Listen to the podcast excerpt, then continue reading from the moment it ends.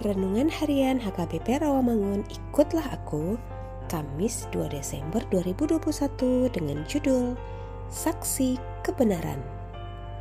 Bacaan kita pagi ini tertulis dalam Maleakhi 3 ayat 5 sampai 12 dan bacaan kita malam ini tertulis dalam Filipi 1 ayat 12 sampai 18a dan kebenaran firman yang menjadi ayat renungan kita hari ini ialah Mika 1 ayat 2a yang berbunyi, Dengarlah, hai bangsa-bangsa sekalian, perhatikanlah, hai bumi serta isinya.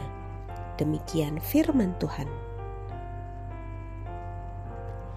Nabi Mika berasal dari kota kecil Moreshet Gad di bagian selatan Yehuda, suatu wilayah pertanian yang subur sekitar 40 km barat daya Yerusalem.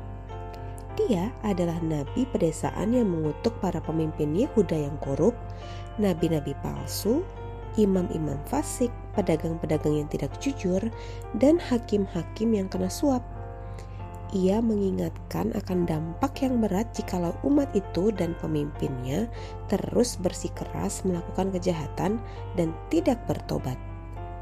Tuhan dengan tangannya sendiri akan menunggang balikan kota umatnya menjadi rata dengan tanah karena dosa dan ketidaktaatan mereka.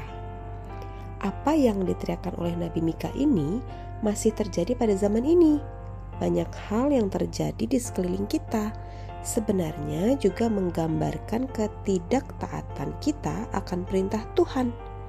Tuhan saat ini masih panjang sabar untuk tidak berperkara dengan umatnya. Tuhan masih menunggu kita untuk berpaling kepadanya.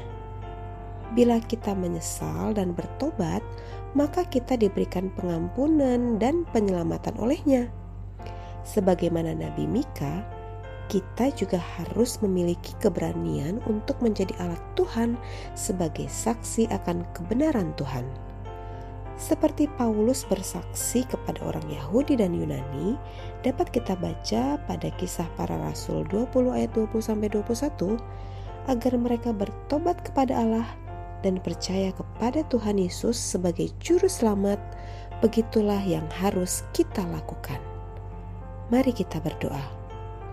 Tuhan Yesus, ajar kami untuk bersaksi menjadi saksi kebenaran-Mu bagi orang-orang di sekitar kami. Amin.